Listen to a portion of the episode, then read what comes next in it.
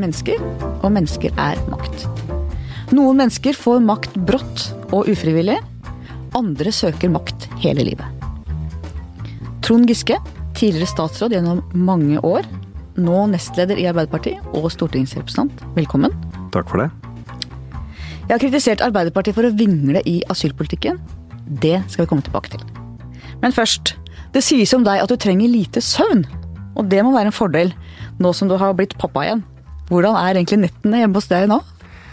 Så Vi har vært så velsigna at vi har fått et barn som faktisk eh, sover ganske mye om natta. Enn så lenge? Ja, så fra hun var et par uker, så sov hun eh, fire-fem timer i hvert fall et helt strekk. Sånn fra legging i kveldstid, middagstid og fram til fire-fem om morgenen. Og så litt mat, og så et par timer søvn igjen. Sånn at det har ikke vært det har ikke vært disse mareritthistoriene du hører fra dem som har nattevåk eh, hele natta, men bank i bordet, det kan forandre seg.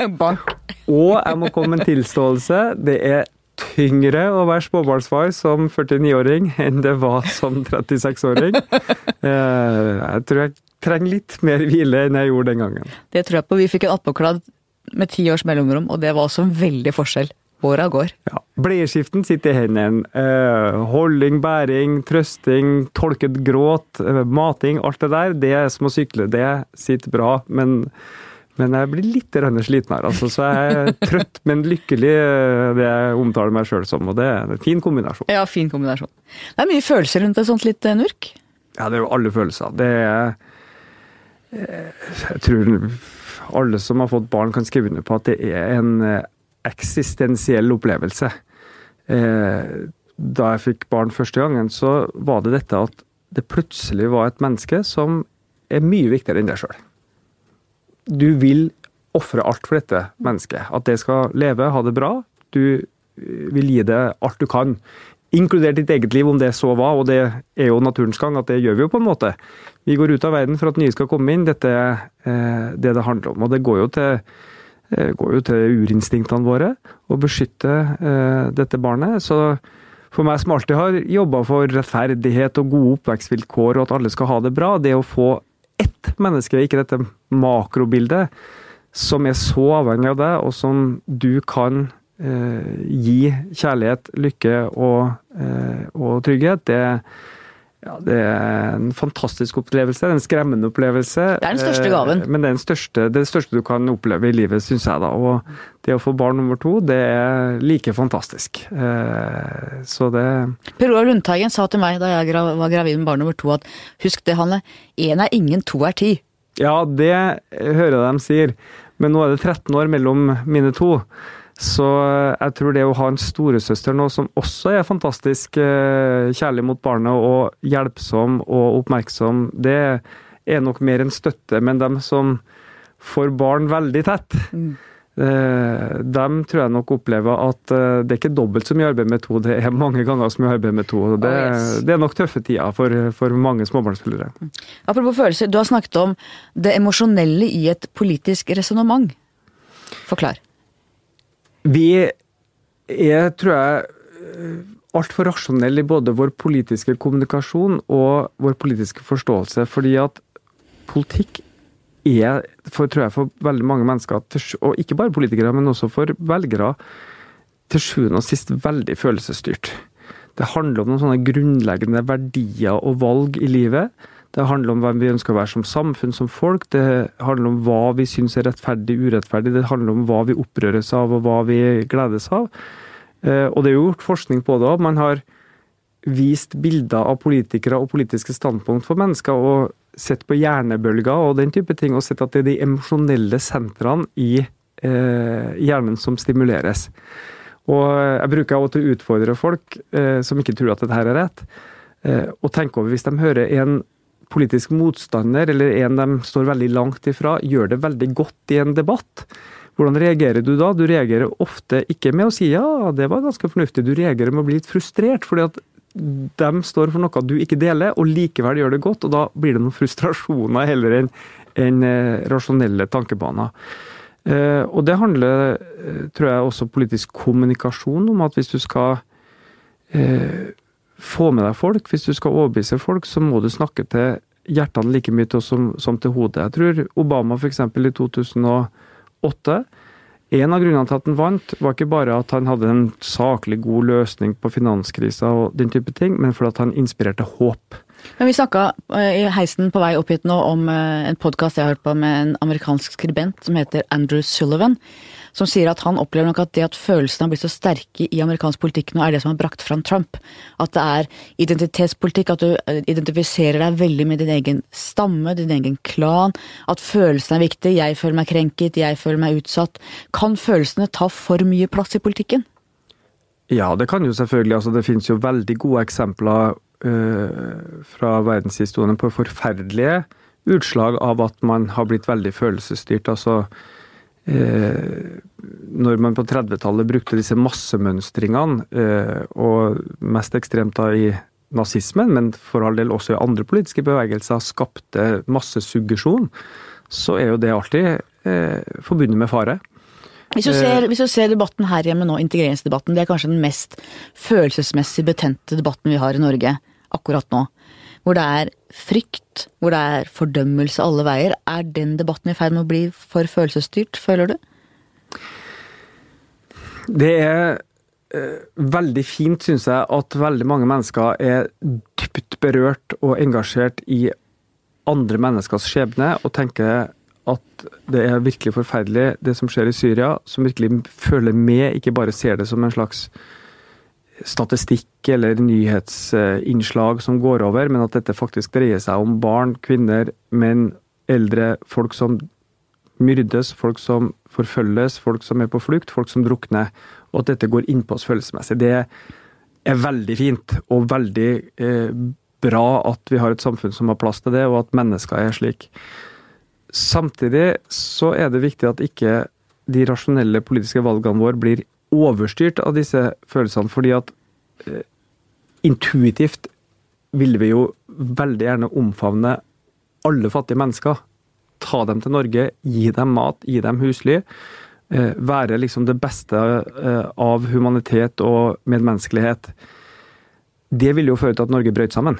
Eh, det er eh, mange hundre millioner og milliarder av mennesker som lever i, under forhold som ikke vi ville synes eh, var akseptable. Løsninga på det ligger jo ikke at alle skal til Norge, det ligger jo på å utvikle gode samfunn over hele verden. Bistand, fredsarbeid, eh, antikorrupsjon, gode eh, demokrati, eh, statssystemer. Alt dette. Og da er vi over på, eh, på asyldebatten. Og Sylvi Listhaug kom jo med sine innstrammingsforslag i romjula. Og du gikk, i likhet med VG, ut og støttet hovedlinjene i disse forslagene. Og det har du fått mye kjeft for internt. Hva var det egentlig som skjedde? Nei, altså jeg tror jo at eh, litt av problemet er at Sylvi Listhaug også spiller på følelser, og de motsatte følelsene. Hun er jo heller ikke eh, forkjemperen for en litt mer si, ettertenksom og rasjonell tilnærming. Hun appellerer til de motsatte følelsene når hun snakker om at folk ikke skal bæres på gullstol, at man kommer som lykkejegere, alle disse begrepene som skaper en mistro og en mistenksomhet. Og da får du en debatt som polariseres mellom to ytterliggående følelser. Den ene som spiller på fremmedfrykten og eh, det skumle, og eh, at noen her tar seg til rette og tar over landet vårt, og hva det nå er. Og de andre som bygger på denne medmenneskeligheten, som er Jeg heier nå mest på den, selvfølgelig, men som ikke gir grunnlag for en fornuftig god mellomløsning. Men da sa jo du, som jeg er helt enig i, at du, må, du kan ikke se på ordbruk og retorikk, du må se på politikkens faktiske innhold. Ja, mitt lille desperate forsøk der i romjula var egentlig å si jeg skjønner at Sylvi Listhaugs retorikk provoserer. Det provoserer meg også i hjerterota når man snakker om gullstol, eh, og man ser barn drukna skyld i land på greske strender. Eh, men hvis vi ser bort ifra den retorikken, hvis vi prøver å ta et skritt tilbake fra den, og ser på innholdet i politikken, da er ikke det like provoserende. Tvert imot så eh, er jo min analyse at det partiet som har bevega seg mest i asylpolitikken, faktisk er Frp. Det er jeg helt enig Det er jeg helt enig med deg. Hvis, hvis, du ser på hva de foreslo i opposisjon, og hva de nå faktisk gjør Men i retorikken har jo Arbeiderpartiet vingla, i beste fall. Det er jo ikke altså Jonas Gahr Støre som har snakket mye om retorikken til Listhaug, mens du har vært opptatt av politikkens innhold og sagt dere må ikke tenke så mye på ordbruken. Nei, det er jo dette som er paradokset med eh, Listhaug og regjeringas strategi, er at man i stedet for å prøve å presentere forslagene som brede eh, innspill til løsninger, så spisser man det og går langt i retorikk. Mye lenger enn egentlig innholdet i politikken gir grunnlag for. Noe som gjør det vanskeligere å få oppslutning. Det skulle man tro var egentlig veldig dumt av en mindretallsregjering. Man burde prøve å invitere og gjøre det lettest mulig for flest mulig å støtte det. Og Dette er jo ikke noe tvil om at det har utløst en veldig motreaksjon i Arbeiderpartiets rekker. Her er det folk som har via sitt liv til solidaritetsarbeid, til humanitær bistand til alle disse tingene, og så ser man at denne retorikken brukes. Og det er heller ingen hemmelighet at i Arbeiderpartiet så har vi både velgere og medlemmer som noen befinner seg nærmest på en mer restriktiv linje enn Frp, andre er mer liberale enn den mest liberale SV-er. Så, så, Arbeiderpartiet er jo en bred koalisjon i dette. Men da har vi, det, det, er det riktig Den diskusjonen hadde vi under Faremo, den diskusjonen hadde vi uh, i Stoltenberg-regjeringa. Dette har vi hatt mange ganger. Men vi har stått for en linje som jeg tror egentlig de tre siste regjeringene har hatt eh, felles. Og i politikk, i standpunktet i Stortinget, så er det jo ikke noe sted hvor vi har liberalisert politikken, men vi går ikke riktig så langt i innstramminga som det Sylvi Listhaug eh, foreslår. La oss ta et eksempel. Enslige mindreårige asylsøkere, hvor den rød-grønne regjeringa innførte midlertidighet for de mellom 16 og 18 år i 2009, da de satt i regjering. I mellomtiden har man fått en forskrift om lengeværende barn, som gjør at veldig mange barn får bli. Så den justeringen regjeringa har foreslått på dette, er virkeligheten veldig liten. Og der har det vært ulike signaler fra Arbeiderpartiet. Eh, og mange hos dere har vært mot, Jonas har vært kritisk. Hvor kommer dere til å havne i det spørsmålet? Nei, Dette er jo et av de områdene hvor uh, Listhaugs argumentasjon har utløst den sterkeste reaksjonen hos oss.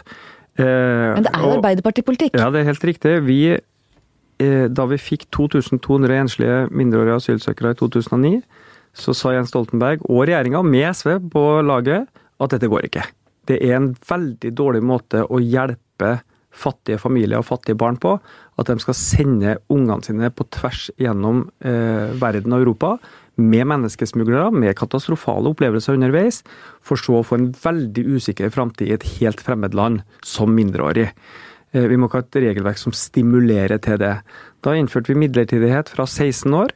Det førte til at året etter var det 800-900. Så har det gradvis steget. Man kan jo diskutere var de liberaliseringene som Venstre og KrF fikk regjeringa med på, med på det. Erna Solberg sa jo så sent som i august 2015 at det kom ikke på tale å stramme inn overfor de eh, mindreårige asylsøkerne. De fire neste månedene kom det 3000.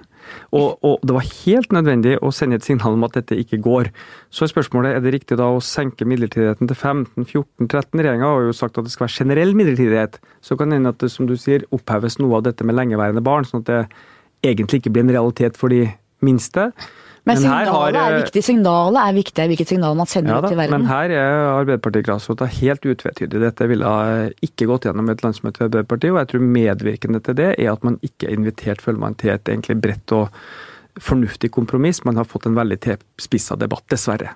Men for meg som velger så er det viktigere hva den praktiske politikken er, enn hvordan partikadere opplever retorikken? Ja da, men vi kommer jo til å stå fast på den midlertidigheten som er fra 16 år. Den skal jo ikke oppheves.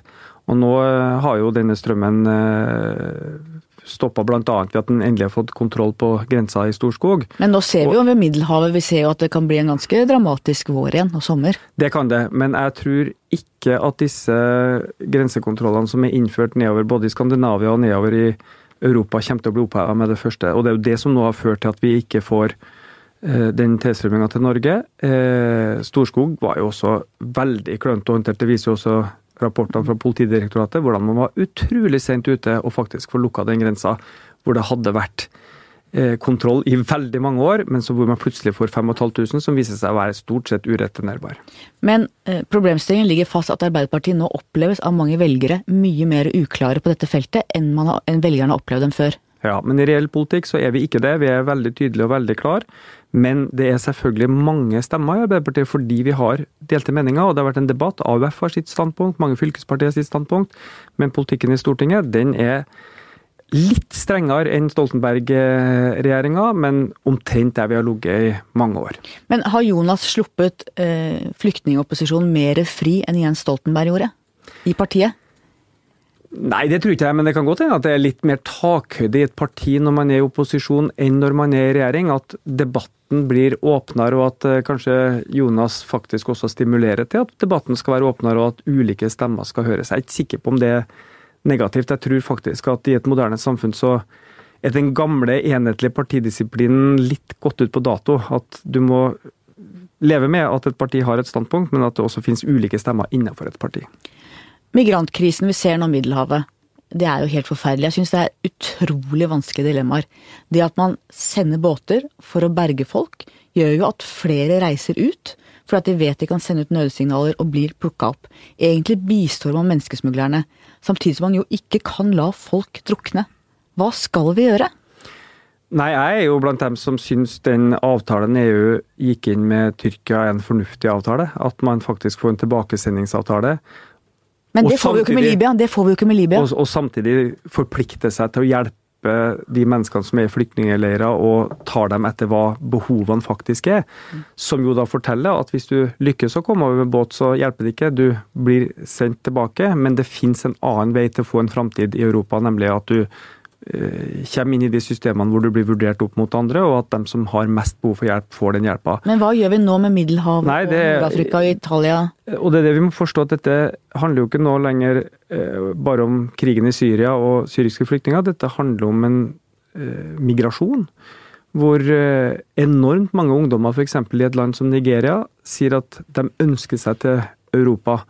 Hvor eh, de setter eh, opp gjennom eh, Sahara og landene i Nord-Afrika til kysten og prøver å komme over til Frankrike eller Italia eller Hellas, eller hvor man nå kommer til. Til sjuende og sist så er det jo ikke noen annen løsning på det enn å klare å skape framtidshåp i de landene man kommer fra.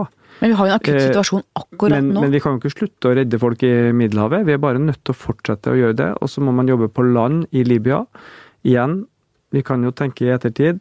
eh, Var det fornuftig å ha kriger som førte til at statssystemet i Irak brøt sammen, at statssystemet i Libya brøt eh, sammen?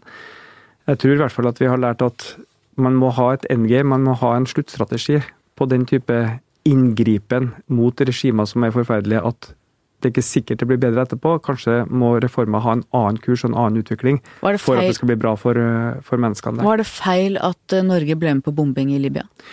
Du satt i den regjeringen. Nei, jeg, jeg er usikker. Eh, Jeg ser at altså, Det var ikke noe tvil om at det var et forferdelig regime under Gaddafi. Men det er jo ikke noe tvil om at det er forferdelig å bo i Libya i dag også, hvor det er blitt et klansystem og fullstendig oppløsning av eh, eh, statssystemet. Så det å tenke gjennom hva skjer etterpå eh, det, Jeg vet ikke om Irak-krigen altså, Jeg vet ikke om egentlig Bush-regimet egentlig trodde på at bare man fikk fjerna eh, Saddam Hussein, så skulle du blomstre et demokrati der. Resultatet var i hvert fall veldig annerledes. Det betyr ikke at Irak øh, og det å fjerne Saddam Hussein var feil, men det betyr at man må tenke gjennom hvordan beholder man et godt statssystem, hvordan utvikles det videre. Så våre forfedre var veldig kloke etter slutten på andre verdenskrig i 1945. Men man forsto skal man bygge fred, så må man bygge samfunn. Eh, Man må rehabilitere dem som har vært i et forferdelig regime. Man må eh, skape håp om arbeid og økonomi, og da kan man bygge fred. Det er jo et historisk prosjekt som lyktes. Og den kunnskapen burde vi lære mer av. Det var Jens Stoltenberg som var statsminister den gangen. Hva er den største forskjellen på han og Jonas Gahr Støre som partiledere? Jonas eh, har jo ikke jobba med politikk siden han var 13 år. Han har jo gjort mange andre forskjellige ting, så han er ikke på samme måte som Jens eh, oppflaska i eh, arbeiderbevegelsen og, og Arbeiderpartimøter. Det gjør at han kanskje har en litt sånn annen innfallsvinkel til en del spørsmål. Han eh, analyserer på en annen type måte. Han har kanskje et eh, litt mer åpent blikk på en del ting. Det syns jeg er spennende med Jonas. eh, Så er nok også ikke så oppdratt i den her partidisiplinen i gåsehudene. Han stimulerer til debatt, han stimulerer til nytenkning. Han vil ha ideer på bordet, han vil ha unge folk eh, inn i posisjoner. Og det er også tror jeg er forfriskende. Det, vi vitaliseres av det. Det tror jeg er bra for et parti som har hatt regjeringsmakt i veldig mange år. Hva savner du med Jens, da?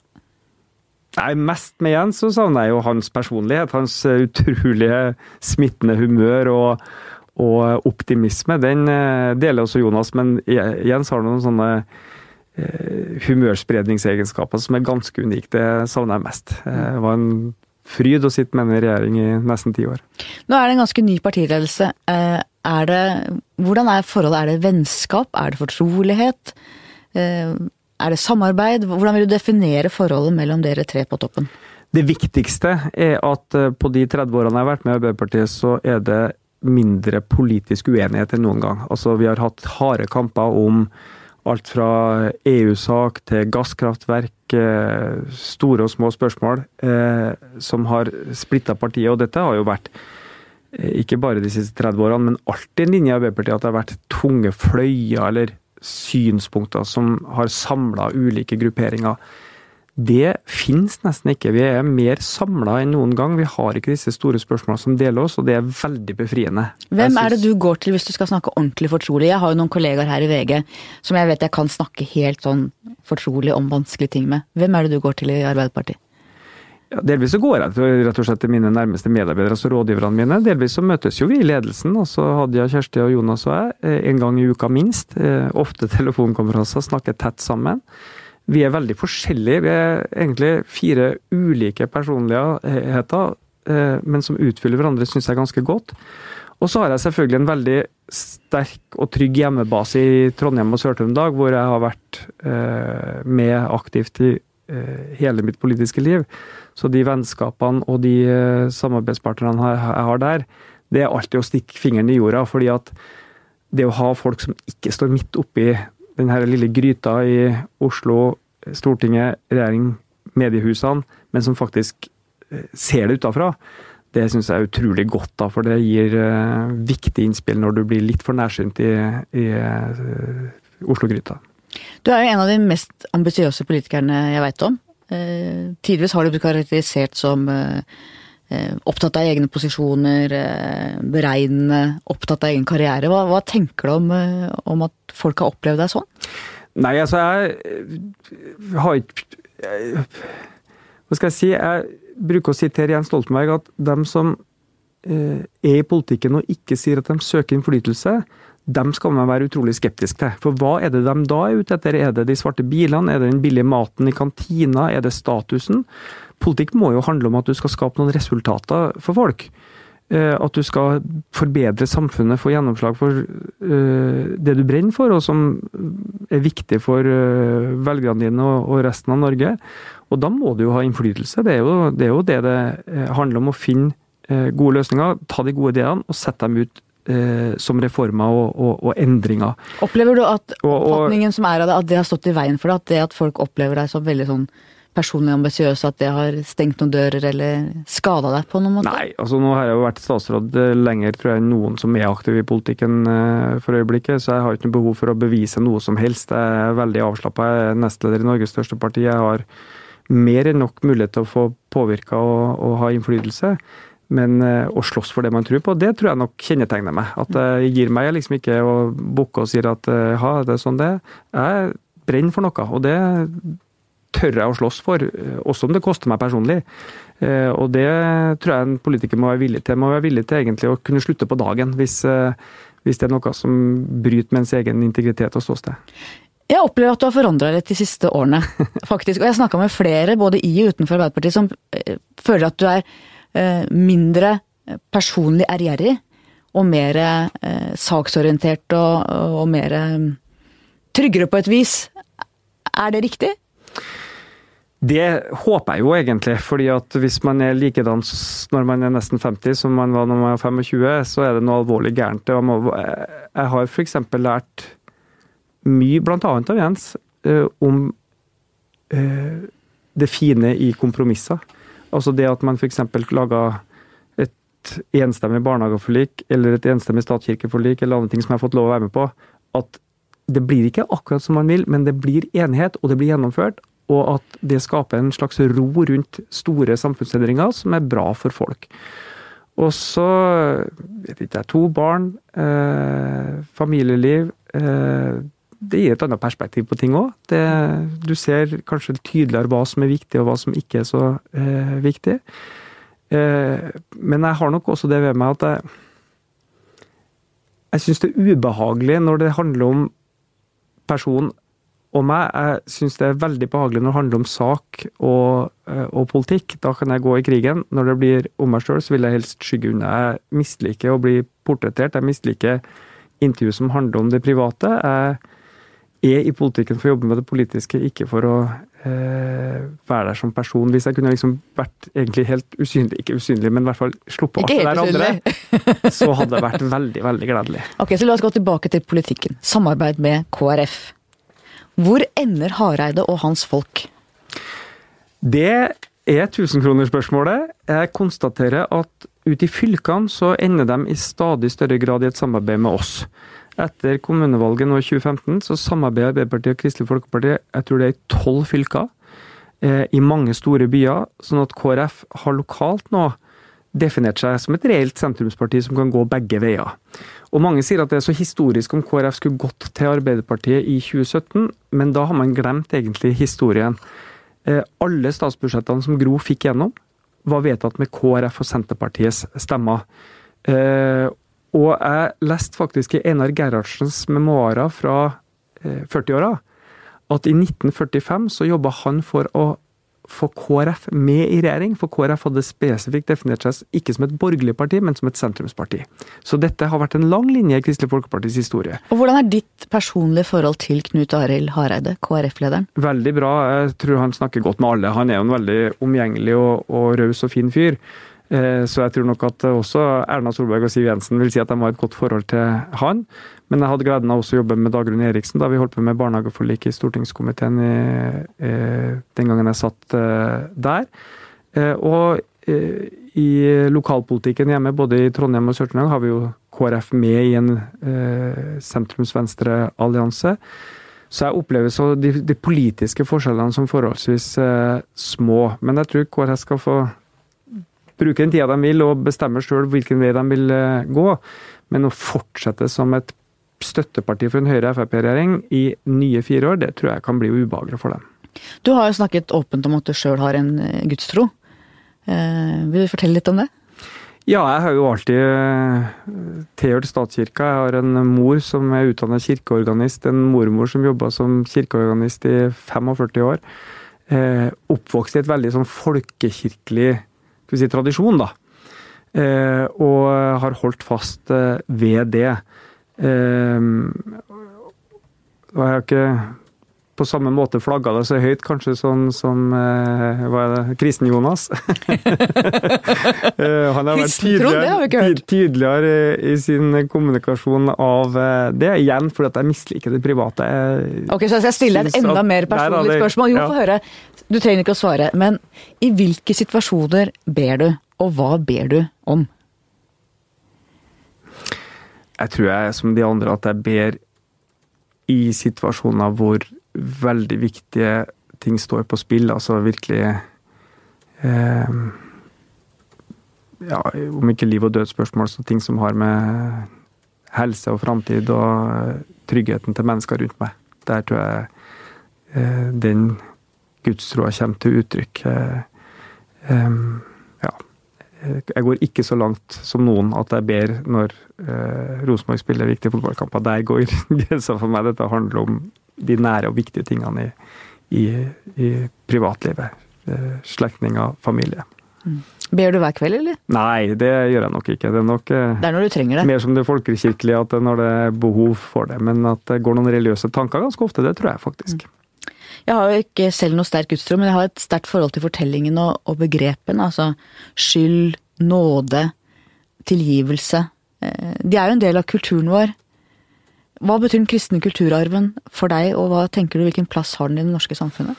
Nei, den betyr enormt mye for meg. Det var ikke uten grunn at da vi laga statskirkeforliket, så sørga vi for å beholde denne setningen i Grunnloven som sier at vi skal bygge videre på den humanistiske og den kristne kulturarven. Vi har tusenårig historie, og jeg tror vi av og til glemmer hvor viktig den har vært for kulturen vår. Altså bare fortellinga i Bibelen om hvordan eh, Jesus møtte barna. Altså at barna har en egenverdi, en individuell plass i samfunnet. Det var jo ingen selvfølge, og er jo ingen selvfølge i, i mange eh, samfunn. Eh, nåden, tilgivelsen, som jo er motsvaret mot ekstremismen og tann for tann og hevntankegangen som preger eh, fortsatt dessverre mange samfunn. Helt utrolig viktig. Eh, og vi må ikke komme dit at vi tenker at et mangfoldig samfunn betyr at vi skal være et verdinøytralt samfunn. Vi skal være et veldig tydelig verdisamfunn. Eh, men de felles verdiene går jo langt utover den kristne trua, og det går an å definere den type ståsted som skal gjelde for alle. Eh, og som du må forholde deg til. Du kan, gjerne du kan gjerne kritisere dem, du kan gjerne utfordre dem, men de er faktisk bindende. Fordi at vi er et samfunn. Vi er ikke bare en samling av individualiserte atomer. Vi må ha noen kjøreregler sammen. Og det, det der er krevende, fordi at vi går fra å ta en del av disse tingene som selvsagt, eh, til å måtte slåss for dem. Og det må vi forberede oss på. Og da er vi også ved ekstremismen. Jeg har vært i tvil om jeg skulle spørre deg om dette, men jeg prøver. I ettertid, etter 22. juli-kommisjonen, når vi ser at ingen har tatt ansvar for eh, det som var mangler ved beredskapen i forkant, og det som skjedde underveis, med politiet, eh, hele beredskapsbiten. Burde ansvaret blitt tydeligere plassert den gangen, fra toppen og ned?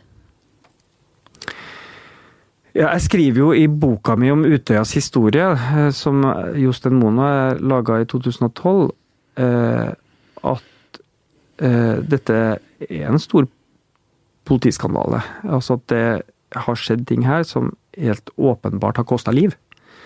Ikke bare gjerningsmannens terrorhandling, men manglende reaksjon eller feil i reaksjonsmønsteret kosta mange liv. Hadde man kommet ut på øya en halvtime før, altså at gjerningsmannen hadde fått en halvtime istedenfor en time, og går rundt og tar livet av barn og unge, så hadde mange vært redda. Det må vi bare være helt åpne og ærlige på. Om det da medfører at noen burde gått, eller noen burde tatt ansvar på den type måte, er for meg ikke det vesentligste. Det vesentligste er selvfølgelig at man har lært eh, og gått videre. Men jeg syns det er et legitimt spørsmål. Eh, og, en, og, en, legitim debatt. Eh, fordi at eh, til sjuende og sist så er det jo sånn at vi sitter, også om vi ikke har det operative ansvaret, med et ansvar for systemer som vi har finansiert, som vi har laga, som vi har stilt spørsmål ved, og som vi av og til må ta konsekvensen av. Jeg har vært opptatt av På engelsk har man uttrykkene responsibility og accountability. Direkte ansvar og det blir stilt til ansvar. Og VG var jo den avisen som mente at Stoltenberg burde trukket seg. Har du forståelse for et sånt standpunkt?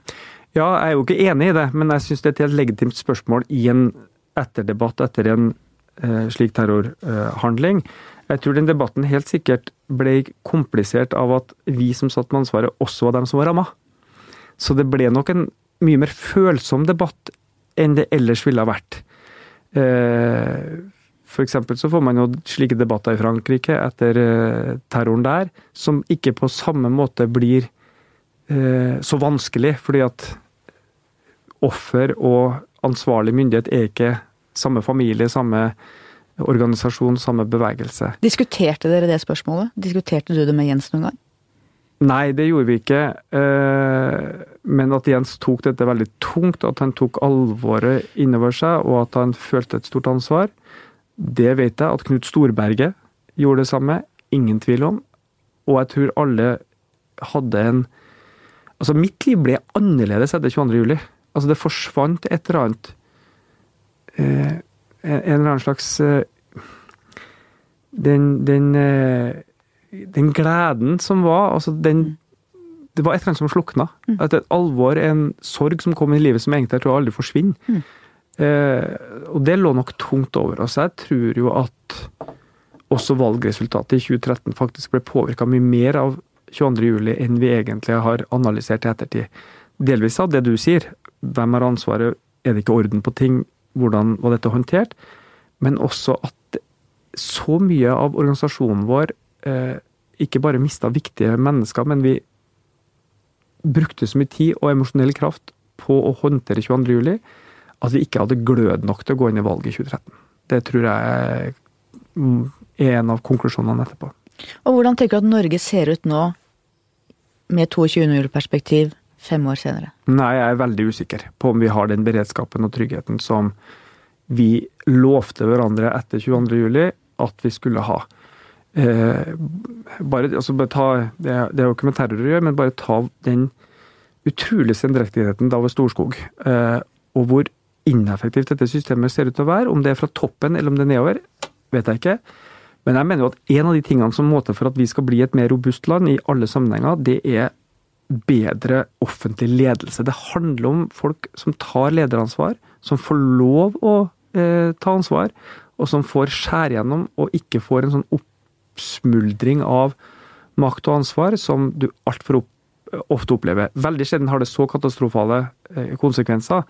Men at det har små og store katastrofale konsekvenser i helsevesen eller undervisning eller hva det er, er helt overbevist om. Mye mer enn vi liker å tenke på. Men da kommer vi tilbake til mitt poeng med at vi mangler en ansvarskultur. For det henger jo også sammen med at hvis Stoltenberg hadde gått den gangen, så hadde du fått en slags renselse og etablert et prinsipp om at den som er øverste ansvarlig, må gå. Nå har jo ingen gått. Jeg får jo brev fra etterlatte fra andre som sier at det har jo ikke hatt noen konsekvenser. Og det er jo det du snakker om også, at du må ha ansvar til de som er i ledelse, men det må også ha konsekvenser hvis ikke de leverer. Ja, det må det, men jeg tenker først og fremst at det handler om å bygge kompetanse. Altså bygge rett og slett de eh, ferdighetene eh, og kunnskapene som skal til for å være gode ledere. Og jeg tror, midt oppi at du skal gi folk større lederansvar, så må du faktisk også kombinere det med et større rom for å gjøre feil. Altså for jeg tror, etter ti år i regjering, at en av de største ulempene med offentlig sektor er at man blir så redd for å gjøre feil at handlingslammelsen brer seg. For at du får mindre kritikk av å ha latt være å gjøre noe, og dermed ikke gjort feil, enn hvis du tør å handle, men av og til trør uh, utafor, eller gjør noe som viser seg å være i ettertid eh, dumt å gjøre. Men det er jeg helt enig i at du må kunne gjøre feil. Spørsmålet er hvordan du retter opp feilene dine. Men av og til så er feilene så store at det må få noen andre konsekvenser, og for å rense opp i systemet. Ok, vi nærmer oss slutten. Jeg må spørre bitte lite grann om EU. Du vant. Jeg tapte, jeg var nøytral reporter, men veldig lei meg. Det var du, men du skrev en god bok om, om den, var, den er ikke så mange som har lest, Nei, men det, lest. det er hyggelig. Er du like bastant EU-motstander i dag som du var da? Ja, altså jeg er like mot at Norge skal bli medlem av EU. Jeg har nok en større, det hadde jeg da, men større i dag forståelse for prosjektet EU og denne generasjonstingen, at man ut fra ruinene av andre verdenskrig tenkte aldri mer krig mellom Frankrike og Tyskland, la oss bygge et byggverk som binder oss så tett sammen at det umuliggjøres. Det prosjektet har jeg nok mer i et sånt generasjons- og livsperspektiv eh, større eh, emosjonell forståelse for, vil jeg si. Men mitt hovedankepunkt i, to, i 1992 og 1994, Maastricht-traktaten og folkeavstemninga, var jo at jeg var veldig skeptisk til europrosjektet. At jeg mente at det å lage en felles valuta uten samtidig å lage gode økonomiske styringssystemer, en felles finanspolitikk, eh, felles utjevningsmekanismer, kunne i verste fall føre til veldig, veldig store problemer.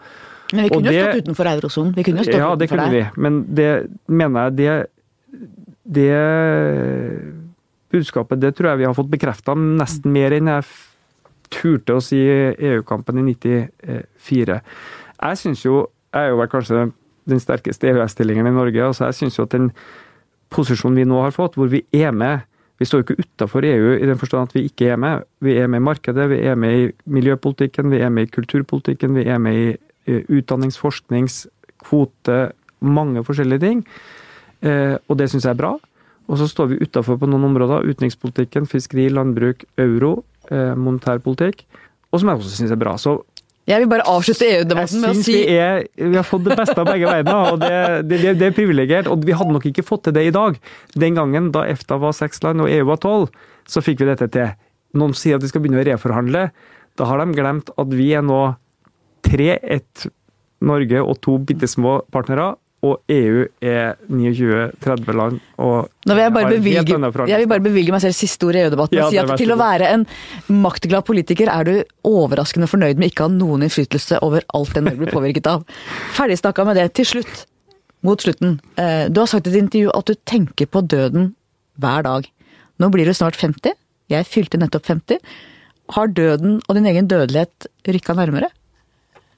Det høres veldig rart ut, men den har ikke det. For den har vært så utrolig nærværende siden barndommen, vil jeg si egentlig. I hvert fall ungdomstida. Hvorfor det?